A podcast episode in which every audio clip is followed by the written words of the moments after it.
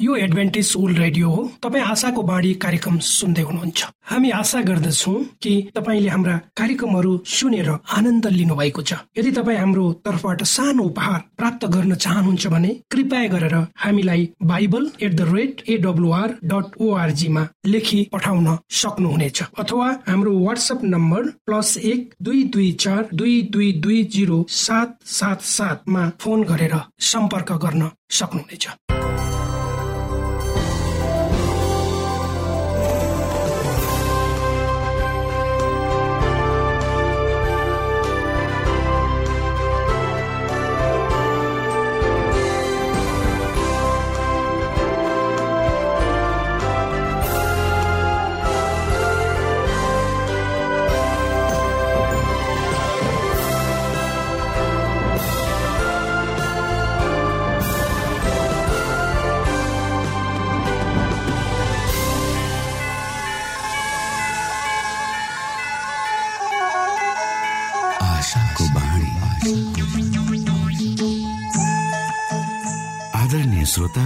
नमस्कार। यो समय तपाईँ एडभेन्टिस्ट ओल्ड रेडियोको प्रस्तुति भोइस अफ होप आशाको बाणी कार्यक्रम सुन्दै हुनुहुन्छ। कार्यक्रम प्रस्तुता म रवि। यो समय तपाईँको साथमा छु। आदरणीय श्रोता लाखौं करोडौं ध्वनि तरङ्गहरूको बीचमा भरोसा योग्य आशाका आत्मिक सन्देश सहित आशाको बाणी कार्यक्रम तपाईँको सामु आइपुगेको छ। यी तरङ्गमा शक्ति छ यी तरङ्गमा जीवित परमेश्वरको अनुग्रह छ। यो कार्यक्रमलाई सुन्न रोज्नुहुने समस्त श्रोता वर्गमा हामी आभार व्यक्त गर्दछौ। आजको कार्यक्रमबाट यहाँले प्रशस्त आशिष पाउन सक्नु भएको होस्। यही शुभेच्छा व्यक्त गर्दै सधैँ झै हामी हाम्रो मूल विषयतिर जानु अगाडि सुनौ यो मधुर क्रिस्टीय भजन।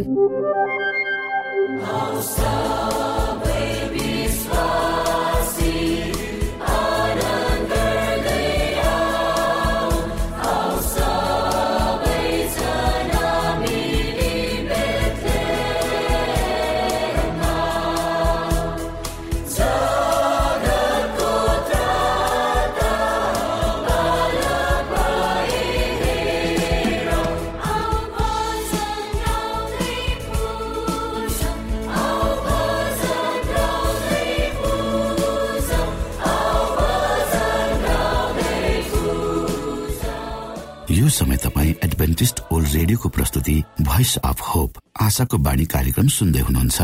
श्रोता मित्र यो समय हामी पास्टर उमेश पोखरेलबाट आजको बाइबल सन्देश सुन्नेछौ। श्रोता साथी न्यानो अभिवादन साथ म तपाईँको आफ्नै आफन्त अर्थात् पास्टर उमेश पोखरेल परमेश्वरको वचन लिएर यो रेडियो कार्यक्रम मार्फत पुनः तपाईँहरूको बीचमा उपस्थित भएको छु मलाई आशा छ तपाईँले हाम्रा कार्यक्रमहरूलाई नियमित रूपमा सुन्दै हुनुहुन्छ र परमेश्वरसँग हिँड्नु कस्तो रहेछ भनेर अनुभव गर्दै हुनुहुन्छ र त्यसबाट आफ्नो जीवनमा प्रशस्त आशिषहरूको अनुभूति पनि गर्दै हुनुहुन्छ। श्रोता तपाईँका कुनै जिज्ञासाहरू छन् भने तपाईँ हामीलाई कुनै सरसल्लाह र सुझाव दिन चाहनुहुन्छ वा तपाईँ चाहनुहुन्छ तपाईँको लागि हामीले प्रार्थना गरिदिउँ भनेर आफ्ना दुःख सुख बाँड्न चाहनुहुन्छ भने कृपया गरेर हामीलाई हाम्रो पत्र व्यवहारको ठेगानामा पत्रद्वारा लेखेर पठाउन हामी विशेष अनुरोध गर्दछौँ। तपाईँ हामीसँग फोनबाट पनि कुरा गर्न सक्नुहुन्छ। श्रोता आजको प्रस्तुतिलाई पस गर्नुभन्दा पहिले आउनुहोस् हामी परमेश्वरमा अगुवाईको लागि बिन्ती राख्नेछौँ। जीवी जिउँदो महान दयालु परमेश्वर प्रभु हामी धन्यवादी छौँ। यो जीवन र जीवनमा दिनुभएका प्रशस्त आशिषहरूको लागि। तपाईँले हामीलाई खानको लागि भोजन बस्नको लागि बास लाउनको लागि लत्ता कपडा इष्टमित्र सुन्दर परिवार छरछिमेकी सबै त्यसको लागि धन्यवाद छु प्रभु यो रेडियो कार्यक्रमलाई तपाईँको हातमा राख्दछौँ। यसलाई तपाईँको राज्य महिमाको प्रचारको खातिर यो देश र सारा संसारमा बस्नुभएका तपाईँहरूको जन बीचमा पुर्याउनुहोस्। त्यसले धेरै मानिसहरूले तपाईँको ज्योतिलाई चिन्न सक्नुहोस् सबै बिन्ती प्रभु यीशुको नाममा।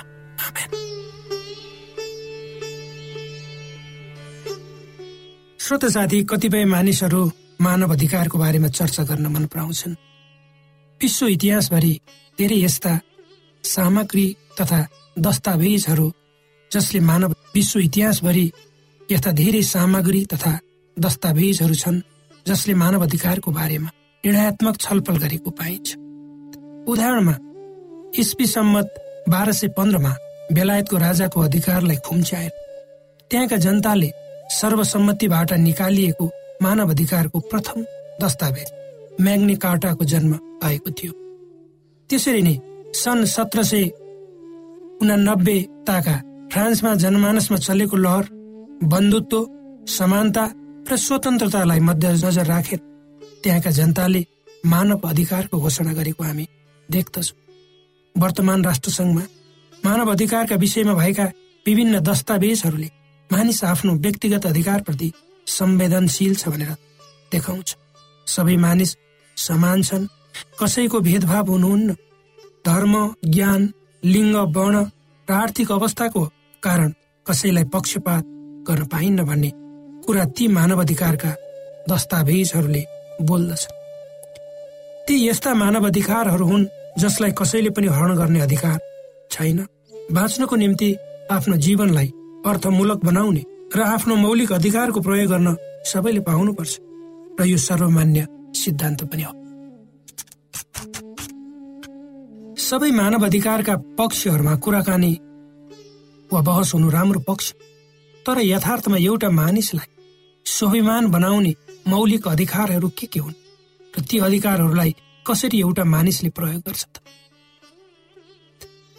बिसौँ शताब्दीमा पुगेपछि मात्रै कतिपय मुलुकहरूमा महिलाहरूलाई भोट हाल्ने अधिकार दियो र आफ्नै र अझै कतिपय देशहरूमा यस विषयमा आनाकानी पनि गरिँदैछ। मानिसले पाउनुपर्ने अधिकारलाई कसरी थामी राख्ने यो आजको संसारको सबभन्दा ठुलो चुनौती?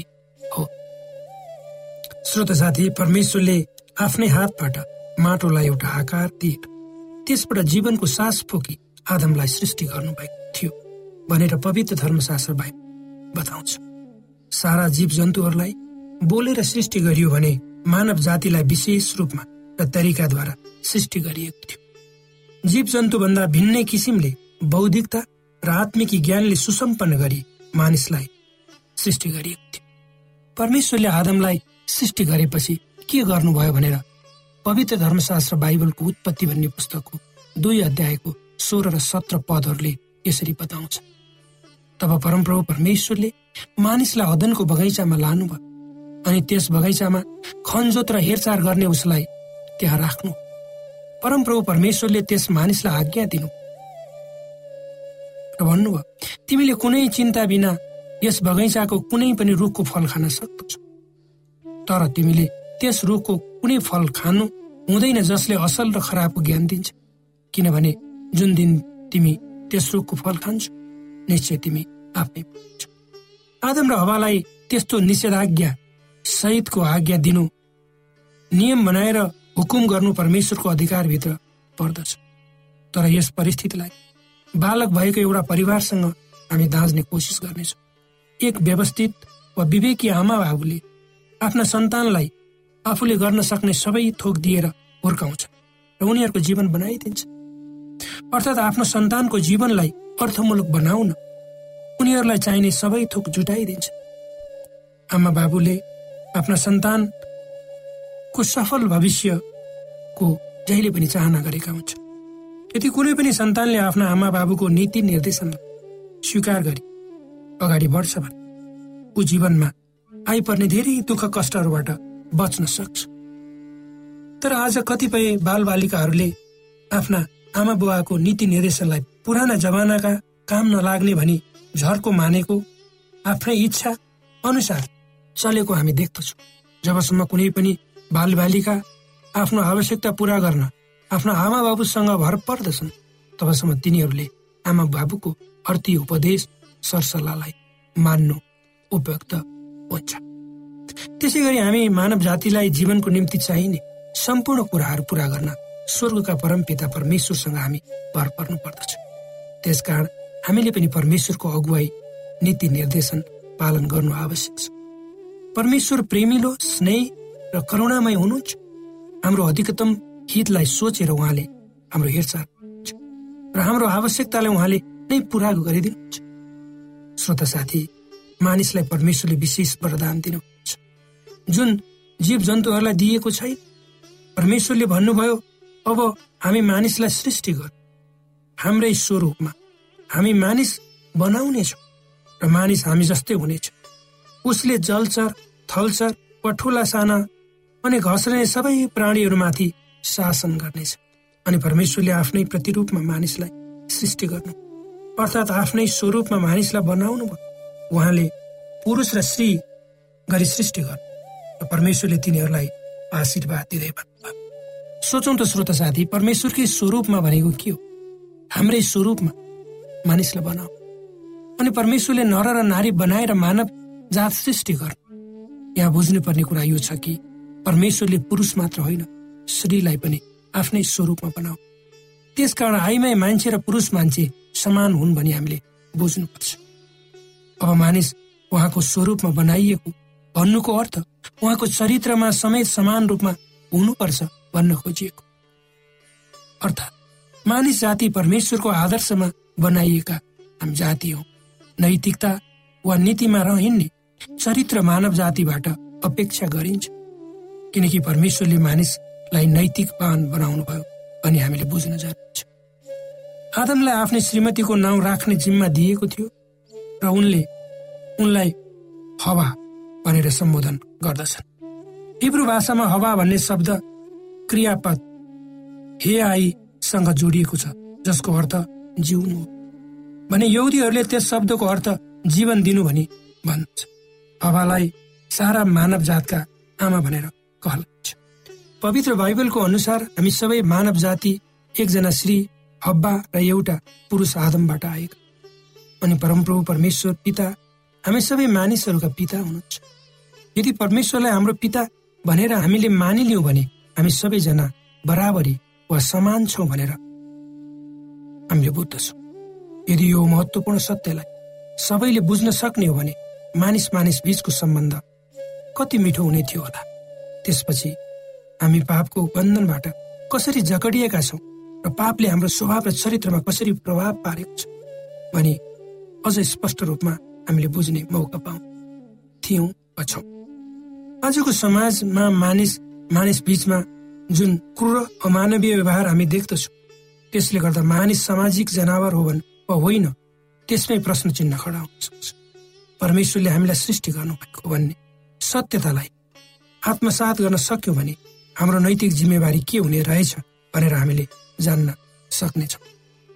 जो मानिसले गरिबलाई दुःख दिन्छ वा शोषण गर्छ उसले सृष्टिकर्ताको अपमान गर्छ तर जसले उहाँलाई आधार गर्छ गरिबलाई पनि दया देखाउँछ। धन सम्पत्तिको मालिक हुनुभन्दा सम्मान पाउनु उत्तम उत्तम भनेर भनिएको छ। सम्मानित हुनु भनेको सुन चाँदी भन्दा उत्तम। सबै परमप्रभुका सृष्टि हो। यसर्थ कुन धनी छ कुन गरिब हो सबैजना बराबर छ। आजको युगमा बाँचेका मानिस जातिलाई विभिन्न तत्त्वहरूबाट विभाजित गराइएको छ तीमध्ये आर्थिक कारणले मानिसलाई विभाजन गर्ने तत्त्व सबभन्दा गम्भीर भएको हामी पाउँदछौँ। इतिहासको सुरुदेखि आजसम्म धनी र गरिबको बीचमा ठुलो खाडल अझसम्म पुरिएको छैन वा छँदैछ। तर एउटा कुरामा हामी सबै स्पष्ट हुन जरुरी छ चाहे हामी गरिब हौ वा हामी धनी मजदुर वर्ग हौ वा मालिक वर्ग स्त्री हौ वा पुरुष हामी सबैजना सम्मानपूर्वक र समानतापूर्वक बराबर गरिनुको निम्ति योग्यका छौँ। अर्थात् हामी सबैजना बराबर हौ। अर्थात् जब मानिसले आफू को हुँ कहाँबाट आएको भनी जान्दछ तब उसले अरूप्रति गर्ने व्यवहारमा पनि परिवर्तन ल्याउँदछ। श्रोत साथी तपाईँ हामी सबै परमेश्वरकै स्वरूपमा सृष्टि गरिए। त्यसको अर्थ हाम्रो चरित्र र स्वभाव पनि उहाँको जस्तै हो वा हुनुपर्छ। हामी मानिस जातिको सिमानाभित्र रहेर पनि झन्डै उहाँ जस्तै हुनुपर्छ। परमेश्वर जस्तै हुनु भनेको परमेश्वर नै हुनु भनेको हो कदापि होइन अर्थात् जब हामीले परमेश्वरको स्वभावको प्रतिबिम्ब गर्दछौँ तब हामी पनि उहाँ जस्तै हुन्छौँ भन्न खोज्यो। हाम्रो जीवनबाट परमेश्वरको स्वभाव वा चरित्र कसरी प्रकट हुनुपर्छ? अनि प्रभु यसो भन्नुहुन्छ आफ्ना शत्रुहरूलाई प्रेम तिमीहरूलाई खेदो गर्नेहरूको निम्ति प्रार्थना यदि तिमीले यसो गर्यो भने तिम्रो स्वर्गको पिताका सच्चा छोराछोरी हुनेछौ। किनभने उहाँले दुष्ट र सज्जन दुवैको निम्ति घाम लगाइदिनुहुन्छ अनि धर्मी र अधर्मीहरूको निम्ति वृष्टि वर्षाइदिनुहुन्छ वृष्टि पठाइदिनुहुन्छ यदि तिमीहरूसँग प्रेम गर्नेहरूलाई मात्र प्रेम गर्दछौ भने तिमीहरूले कुनै इनाम पाउने छैन। महसुल वा कर उठाउनेहरूले पनि त त्यसै गर्छन्। अनि तिमीहरूले आफ्ना साथीभाइहरूलाई मात्र अभिवादन गर्छौ भने परमेश्वरलाई विश्वास नगर्नेहरू भन्दा तिमीहरू के फरक भयो त? परमेश्वरलाई नजान्ने र विश्वास नगर्ने मानिसहरूले पनि आफ्ना साथीभाइहरूसँग राम्रो व्यवहार गरेका हुन्छ यसै कारणले तिमीहरू सिद्ध हौ जसरी तिमीहरूका स्वर्गका पिता सिद्ध हुनुहुन्छ। जसरी परमेश्वर आफ्नो स्थानमा सिद्ध हुनुहुन्छ त्यसै गरी हामी पनि आफ्नो ठाउँमा सिद्ध हुनुहुन्छ। परमेश्वरले यी वचनहरूद्वारा तपाईँलाई आशिष दिनु। श्रोता भर्खरै यहाँले पास्टर उमेश पोखरेलबाट बाइबल वचन सुन्नुभयो। यो समय तपाईँ एडभेन्टिस्ट ओल्ड रेडियोको प्रस्तुति भोइस अफ होप आशाको बाणी कार्यक्रम सुन्दै हुनुहुन्छ। कार्यक्रम सुनेर बस्नुहुने सबै श्रोतालाई हामी हाम्रो कार्यक्रममा स्वागत गर्न चाहन्छौ।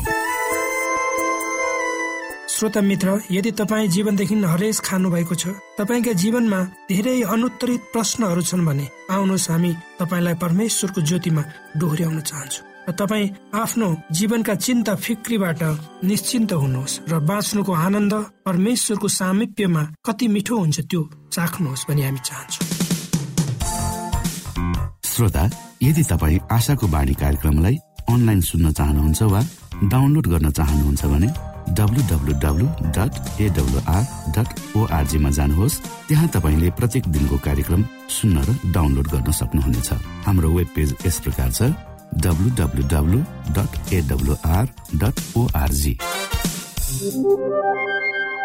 श्रोता यदि तपाईँ हामीसित सिधै फोनमा सम्पर्क गर्न चाहनुहुन्छ भने हाम्रा नम्बरहरू यस प्रकार छन्।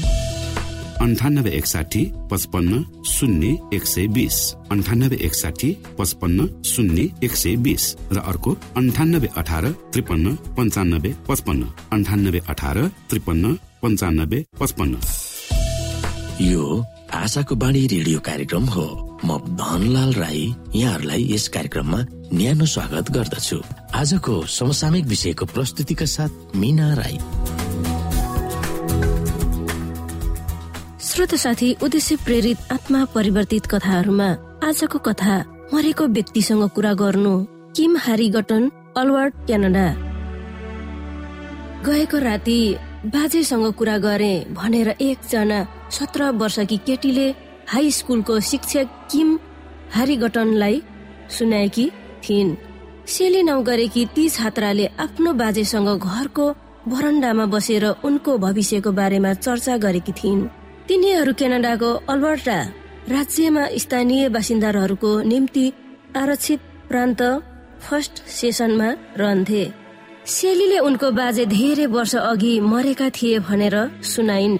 जबकि मरिसकेका बाजेसँग गए राति कुरा गरेको थिए भनेर सेलीले भन्दा मेरो शरीरका रौहरू ठाडा ठाडा भएका थिए। मलाई लाग्यो कि तिनी दुष्ट आत्मासँग कुरा गर्दै थिइन्। किम अल्बर्टाको मामाबी आटोस केटन एडभेन्टिस स्कुलमा विज्ञान र हिसाबको शिक्षिका थिइन्। त्यहाँका धेरै जसो बासिन्दाहरू परम्परागत धर्मावलम्बीहरू थिए। तिनीहरूको धर्ममा मरेका मानिसहरूसँग कुरा गर्ने र उनीहरूलाई सम्मान गर्ने चलन थियो। स्कुलका दुई सय जति विद्यार्थीहरूले पहिलो पटक यसुको बारेमा त्यस स्कुलमा सिक्दै थिए। प्रेतसँग कुरा गरेको विषयमा सेलीले उनको शिक्षकलाई धेरै पल्ट सुनाएकी थिइन्। पाओ पाओ अर्थात् स्थानीय पर्वपछि एकजना आदि मानिस र आदि घोडा काल्पनिक रूप आफ्नो गाउँको घर घरमा उफ्रेको उनले देखेकी थिइन् रे। मरेका पुर्खाहरूले घरको अगाडिको रुखमा बसेर आफूसँग कुरा गरेको पनि उनले धेरै पल्ट सुनाएकी थिइन्। रुख मुनि चुपचाप लागेर बस्दा पनि धेरै आवाजहरू उनले सुनिन् रे जुन उनका मरेका बाजे पराजुहरूको आवाज थिए भनेर उनले सोचेकी थिइन्। किमले भने बाजेको रूप लिएर आएको प्रेतसँग कमसे कम दुई पल्ट उनले बोलेकी थिइन् रे। बरन्डामा आफ्नो बाजेसँग तिनले आफ्नो भावी योजनाको बारेमा छलफल गरेको सुनाइन्। त्यो आत्माले उनलाई नराम्रो कुरा त केही भनेन। खोलामा गएर हाम फाल त भनेन। जब तिनीहरू कुरा गर्दथे त्यस बेला उनलाई रमाइलो लाग्थ्यो रे। आफ्नो बाजेसँग कुरा गर्न उनलाई रमाइलो लागिरहेको थियो। किमले भनिन् मरेकाहरूसँग गरिएको कुराको बारेमा सुन्दा किमलाई असजिलो लागिरहेको थियो र मनमनै प्रार्थना गरेर उनले सेलीलाई सोधिन् तिमी त हाई स्कुलमा छौ एडभान्टेजले के सिकाउँछन्? त्यो तिमीलाई थाहा छ? त्यो बोल्ने को हो मलाई भन। के त्यो तिम्रो बाजे नै हो त? तिमीसँग कुरा गर्न कुन आत्माले त्यसलाई पठायो? दुष्ट आत्माहरू परिचित मानिस भएर आउँछ भनेर बाइबलले सिकाएको कुरा उनलाई थाहा थियो र सुते सहरका हुन्छन् र केही थाहा हुँदैन भनेर पनि उनलाई थाहा थियो। हो मैले थाहा पाइसके। तपाईँले के भन्न खोज्नु भएको मिस? हारिङटनसँग सेलीले भनिन् अनि किमले सेलीसँग प्रार्थना गरिन्? सेली अलमल्ल परेकी थिइन्। मरेको मानिससँग कुरा गर्दा उनलाई रमाइलो नै भइरहेको थियो। उनको मनमा धेरै प्रश्नहरू पनि उब्जिरहेका थिए तर पनि प्रार्थना प्रति भने उनी आभारी थिइन्। प्रोत्साहसँग कुरा गर्ने विषयमा चर्चा गर्दा प्रार्थना नै सबै किसिमका समस्याहरूको सावधानको उपाय थियो किमले भनिन्। श्रोता साथी आफ्नो जीवनमा परेका आत्माहरूले ठाउँ पाएको विषयमा सोच्न थालिन्। केही समयपछि आफूसँग बजै कुरा गर्न आएको भनेर किमलाई भनिन्। उनले बजैको शरीर त देखिनन् तर उनको आवाज सुनेको जस्तो उनलाई लागेको थियो। आफ्नो बजै मरेकोमा उनलाई न्यास्रो लागेको थियो। त्यसकारण उनले एकछिन त सुनिन् अनि किमसँग कुरा गरेको उनले सम्झिन्। आखिरमा त्यो आवाजलाई उनले हप्काइन् यदि त दुष्ट आत्मा होस् भने मबाट निस्केर जा। अनि स्कुलमा सिकेका क्रिस्चियन गीत गाउन थालिन्। यतिकैमा त्यो आवाज बिलाएर गयो। सेलीको विश्वास ठिक ठाउँमा रहोस् भनेर किमले प्रार्थना गरिदिन्छन्। श्रोता साथी मैले उनलाई भने कि उनको जीवन सधैँ परमेश्वरको बसमा हुन्छ। उनलाई जे भए पनि उनलाई परमेश्वरले छोड्नुहुन्न। आफ्नो भविष्यको निम्ति उनले आफ्नो बाजेसँग सल्लाह माग्दै थिइन् तर अहिले थाहा नपाए तापनि परमेश्वरसँग उनको निम्ति योजना छ भनेर मैले उनलाई बताइदिए। किमले भनिन् एर्मिया उन्तिसको एघारमा रहेको परमेश्वरको योजनाको बारेमा किमले सेलीलाई पढेर सुनाइन्? तिम्रो लागि मसँग योजना छ। तिम्रो उन्नति हुने र तिमीलाई हानि नहुने योजना तिम्रो लागि छ। तिमीलाई आशा दिन र भविष्यको निम्ति तिमीलाई के गर्ने हो सो मलाई थाहा छ। आफ्ना विद्यार्थीहरूलाई कुनै दुष्ट आत्माले होइन तर परमेश्वरको हातमा हुन् भन्ने चाहना किमले राखेकी थिइन्? उनको अफिसमा एउटा छुट्टै मेन्स राखिएको छ जसमा लेखिएको छ यो मेन्स परमेश्वरको बालबालिकाहरूको निम्ति हो। बालबालिका तथा किशोर किशोरीहरू परमेश्वरका निम्ति विशेष हुन् र उहाँले माया गर्नुहुन्छ भन्ने कुरा म थाहा पाएको चाहन्छु। किमले भनिन् यो त्रैमासिक भेटिएको केही भाग हिसाब र विज्ञानको कोठा बढाउन सहयोग मिल्नेछ ताकि अरू धेरै बालबालिकाहरू यसको बारेमा थाहा पाउन भर्ना हुन्।